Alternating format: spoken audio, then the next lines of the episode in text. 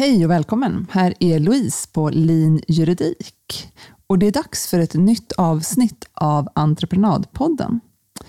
Idag ska jag prata om ett hus som målades om, eller avfärga som det heter på, på fackspråk. Och det här var ju ett ord som i tingsrätten behövde förklaras. För ett ord som börjar med av, det låter ju som att något ska tas bort. Till exempel man avstår något, man avknoppar någonting. Eller i det här fallet då avfärgade fasaden. Och när man jobbar med liksom måleri och putsa fasader och sånt där så vet man ju det här.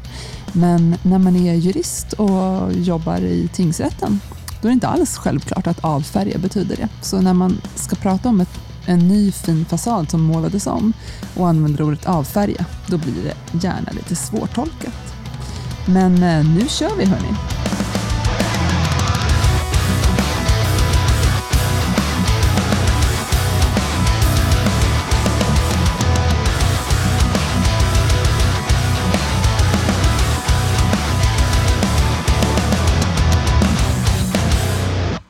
Vad var det som hade hänt då?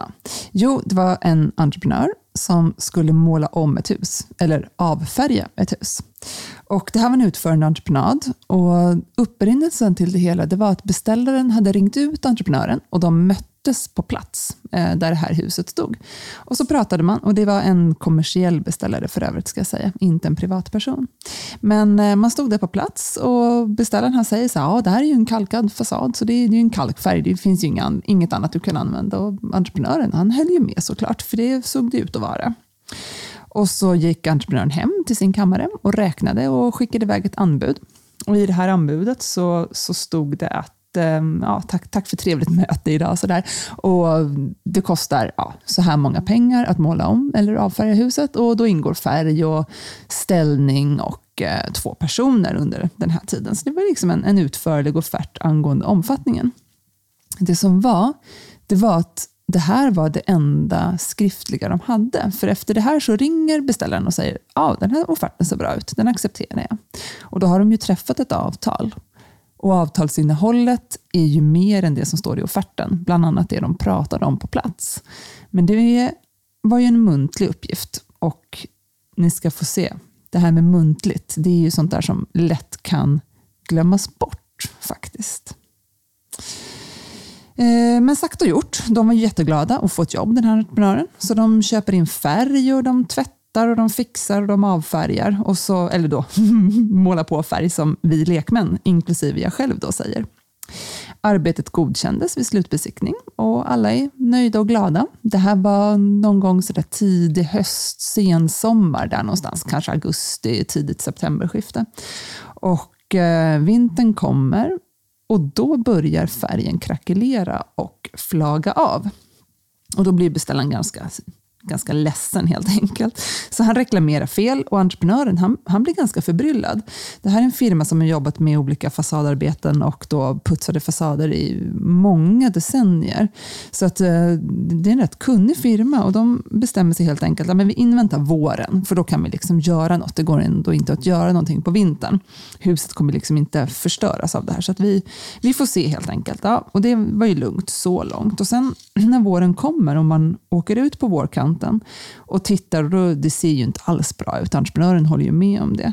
Eh, så han börjar liksom fundera lite vad som kan ha hänt och så ser han att liksom det är små klumpar från fasaden som har fallit ner eh, längs med kanten. Så han tar en av de här små, små klumparna och skickar in den på analys för att se vad den här fasaden består av. Och Det visar sig att det är en ganska hård fasad som innehåller då mer cement än vad en sån här fasad normalt sett gör. Och Troligen har man väl då någon gång i tiden blandat in ganska mycket cement eh, och så har den blivit jättehård då när den här fasaden härdade en gång i tiden. Och Det här var ju många år innan min entreprenör utförde det här arbetet. Eh, och Det här gjorde ju att liksom, entreprenören han gick tillbaka till beställaren och så sa han så här, ja, din fasad har ju liksom en beskaffenhet som jag inte har kunnat räkna med. Så här hård ska inte en fasad, en kalkad fasad vara, eller kalkputsfasad tror jag den korrekta termen är. Nu, nu får ni ha lite tålamod här med att jag kanske inte minns alla detaljer i det här fallet. Det var ganska många år sedan som jag hjälpte den här entreprenören. Men poängen var i alla fall att fasaden var mycket, mycket hårdare än vad man normalt ska räkna med. Och Det här kan man bara få veta om man tar och gör en analys. Och så menar entreprenören att det får ju beställaren göra, för det är deras fastighet. Entreprenören kan inte i anbudsskedet göra analyser på det här sättet. Och Det finns det ju faktiskt visst stöd för också när, när det gäller AB och uh, i viss mån även ABT. Men jag lämnar, jag lämnar totalentreprenaden i det här och så pratar jag bara utförande entreprenaden. För i AB, då, AB04, så finns det tre saker som en entreprenör ska tänka på och ta hänsyn till när han lämnar sitt anbud. Det första är att han ska såklart göra det som beställaren föreskriver. Om beställaren har gjort ett förfrågningsunderlag så ska man följa det. Sen ska man också gå ut på plats och titta vad kan jag se med mina ögon som också behöver utföras. Och Den här regeln tar ju i första hand sikte på så här, till exempel framkomlighet. I det här fallet då, kunde entreprenören sätta upp en byggnadsställning eller behövde han räkna med att ha en lift så att man når upp och kan göra de här arbetena. Och Sen ska man också göra någon slags fackmässig bedömning som entreprenör. Är det sannolikt att några andra arbeten eh, behöver utföras, då ska man också göra det. Och De här reglerna de hittar du i AB04 i första kapitlet i paragraf 6, 7 och 8. Och de är ju lite mer omfattande och så där än vad jag redogör för här. Men, men kortfattat så är det så här, räkna på det som framgår av förfrågningsunderlaget, gå ut och titta på plats och gör även en, en fackmässig bedömning. Vad är sannolikt? Och de här reglerna samverkar ju lite med varandra. Och eh, i det här fallet så menar ju faktiskt entreprenören att beställaren hade ju föreskrivit en kalkfärg. Det var ju vad beställaren sa när de möttes där ute på plats. Och entreprenören när han tittade på den här eh, fasaden, han kunde ju inte på något sätt se att en kalkfärg inte skulle passa, för det såg verkligen ut som att det satt en befintlig kalkfärg på. Och kalkfärg på kalkfärg brukar funka ganska bra. Så att han hade ju liksom ingen, ingen eh, anledning att tänka annorlunda. Och Eh, beställaren han höll ju inte alls med. Hans minnesbild av deras samtal det var att beställaren bara hade sagt så här, hej, jag skulle vilja att du i egenskap av att du är så otroligt skicklig och duktig och, och har jobbat med det här så himla länge. Ah, nu raljerar jag, så sa han ju inte, men, men det var ju liksom den bilden som den här beställaren ville måla upp. Eh, det var att eh, när du är så duktig som fackman, kära entreprenör, då bör du kunna föreslå en färg som också kan användas. För så är det ju också, att kommer man med ett förslag, hittar man en lösning och föreslår den lösningen, då får man också stå riktigheten i den. Det gäller ju även entreprenören. Så att det här blev ju nu, nu började man ju inse att nu hade man helt olika uppfattning om vem som hade föreslagit kalkfärgen. Och det är ju lite trist, för det sätter ju bevisningen i ett svårt läge när man har det muntligen då minns parterna olika. Sen om de minns det av, på, på riktigt eller att man, att man liksom bara får den minnesbilden, det, det, spelar liksom ingen roll. För att bevisläget blir så i alla fall. Man kan ha rätt i sin uppfattning att vi pratade om kalkfärg och det var du beställare som, som föreskrev det till mig. Men har man olika uppfattning, då blir det liksom, vad ska man säga, 1-1 eller 0-0 i bevisning. Och det är ju inte så himla bra, för att eh, vad hände då? Jo, entreprenören säger, eller beställaren menar jag, förlåt, säger då, entreprenören, jag vill att du målar om det här huset, avfärgar huset på rätt sätt. Vilken metod du väljer, det spelar inte mig någon roll, men jag har beställt en, en fin fasad och den ser förskräcklig ut just nu. Den ser ut som liksom ett krossat äggskal. Och entreprenören, han sa ju så här, ja, jag förstår det och jag kan liksom förlikningsvis gå med på att bjussa på min arbetstid. Men det går inte att måla mer på den här fasaden. Den här liksom analysbiten jag har skickat in, den är mättad. Det går inte att sätta på mera kalkfärg här, för det, det kommer, vad man än gör med det här så kommer det att krackelera. Så du behöver näta om och liksom bygga en ny puts på det här och det kan jag också göra. Jag kan liksom fixa det åt dig, och, men det vill jag ha betalt för. Och beställarna tyckte att det lät jättedyrt och krångligt och blev ganska sur. Så han tar ut en annan eh, entreprenör som eh, helt plötsligt då föreslår en, och det, det, här blir ju bara kuriosa sammanhanget, för det har ju ingenting med min entreprenör att göra, men, men den entreprenören säger att jaha, om inte kalkfärg funkar, då tycker jag att vi kör en silikonhärtsfärg. Sagt och gjort, det målade de på då på den här fasaden. Och eh, Det var också en höst för övrigt som man gjorde det.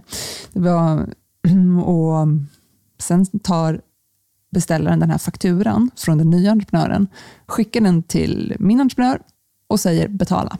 Därför att du har inte avhjälpt felet och då har jag gjort det på din bekostnad. Här är kostnaden. Och min entreprenör han bestred då såklart betalningsansvar och så skickades det hela till tingsrätten för att avgöra det här. Och den här processen i tingsrätten den höll på ganska länge. Den höll på över ett år och, och, båda parter skramlade på sin sida. Jag vet att vi ringde ut någon annan sakkunnig som eh, skulle åka ut och titta på den här fasaden och han gjorde också en bedömning av det hela och han landade i samma bedömning som vi hade sagt från början. Den här befintliga fasaden är för hård för att kunna ta emot mera färg, så man behöver, man behöver liksom putsa om huset.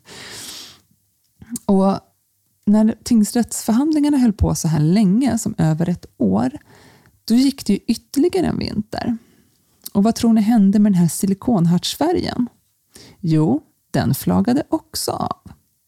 Så nu hade beställaren vid två tillfällen haft två olika entreprenörer ute där båda färgsorterna hade lossnat. Så nu började beställaren bli ganska ganska mör för att hitta en lösning.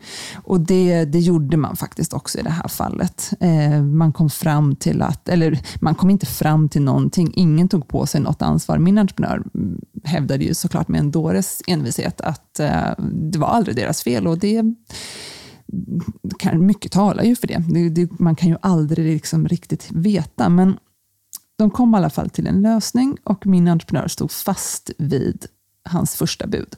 Att han står för arbetskostnaden att, att måla om huset, men han vill ha betalt för att näta och putsa om och sen den nya färgen han behövde köpa. Och sagt och gjort, den, lösning, den lösningen accepterade beställaren efter ett år i tingsrätten och ytterligare en färg som hade flagat av. Eh, vad kan vi dra för lärdomar av det här då? Ja, en lärdom som, som jag har tänkt mycket på, det är det här med att lyssna på vad den andra säger. Även om du har en annan uppfattning. Alltså, det är ju så när man har olika uppfattningar, att man tycker helt olika. Men varför tycker man så? Vad är det för argument den andra lägger fram och vad bottnar argumenten i? I det här fallet så hade min entreprenör ganska mycket kunskap. Han hade gjort en analys av fasaden och han hade dessutom tagit ut en annan sakkunnig. Att inte lyssna på det, även om man är ganska sur över att färgen har flaggat av, det kostar ju. För vad kostade det i slutändan här? Alltså nu med facit i hand så kunde vi se att det kostade en till entreprenör som skulle måla om huset och det kostade också en process i tingsrätten. Någonting som hade kunnat lösas ganska tidigt. Eh, sen är det alltid lätt såklart för mig med facit i hand att sitta och prata om det här, men jag tror att varje gång när man möter att man har olika uppfattning så är det ju ganska sällan som den andra parten sitter och bara på pin säger något annat för skojs skull. Utan man har en anledning till det. Och att lyssna på varandra, att lyssna vad den andra säger, varför de säger det och att förstå att ja, men det kanske ligger något i det här. Vi kanske ska ta och backa en liten bit i alla fall och hitta en lösning snabbare. För att ju fortare man kan nå en lösning, ju snabbare det går, desto mindre blir den här sura kostnaden som det är att hålla på och processa med varandra. För det är vare sig beställare eller entreprenör har ju liksom det som kärnverksamhet. De vill ju gå ut och göra fler entreprenader eller gå vidare med sitt hus eller bli klara med något annat. Därför tjänar alla på att hitta en lösning ganska snabbt. Det hörni, det var allt för den här gången. Och eh, nästa avsnitt så kommer jag faktiskt ha en gäst med mig. Då ska vi prata om det här med när man kan anses vara anställd fast man faktiskt har varit inhyrd som underentreprenör. Mycket spännande samtal. Till nästa gång hörni, ha det så bra! Du har nu lyssnat på Entreprenadpodden med mig, Louise, på Lean Juridik. Har du en fråga eller någonting som du tycker passar som ämne i den här podden? Mejla mig på entreprenadpodden snabelalinjuridik.se Alltså entreprenadpodden snabelalinjuridik.se eller så kan du kika på min hemsida linjuridik.se för mer information. Men eh, till nästa gång hörni, ha det så fint. Hej hej!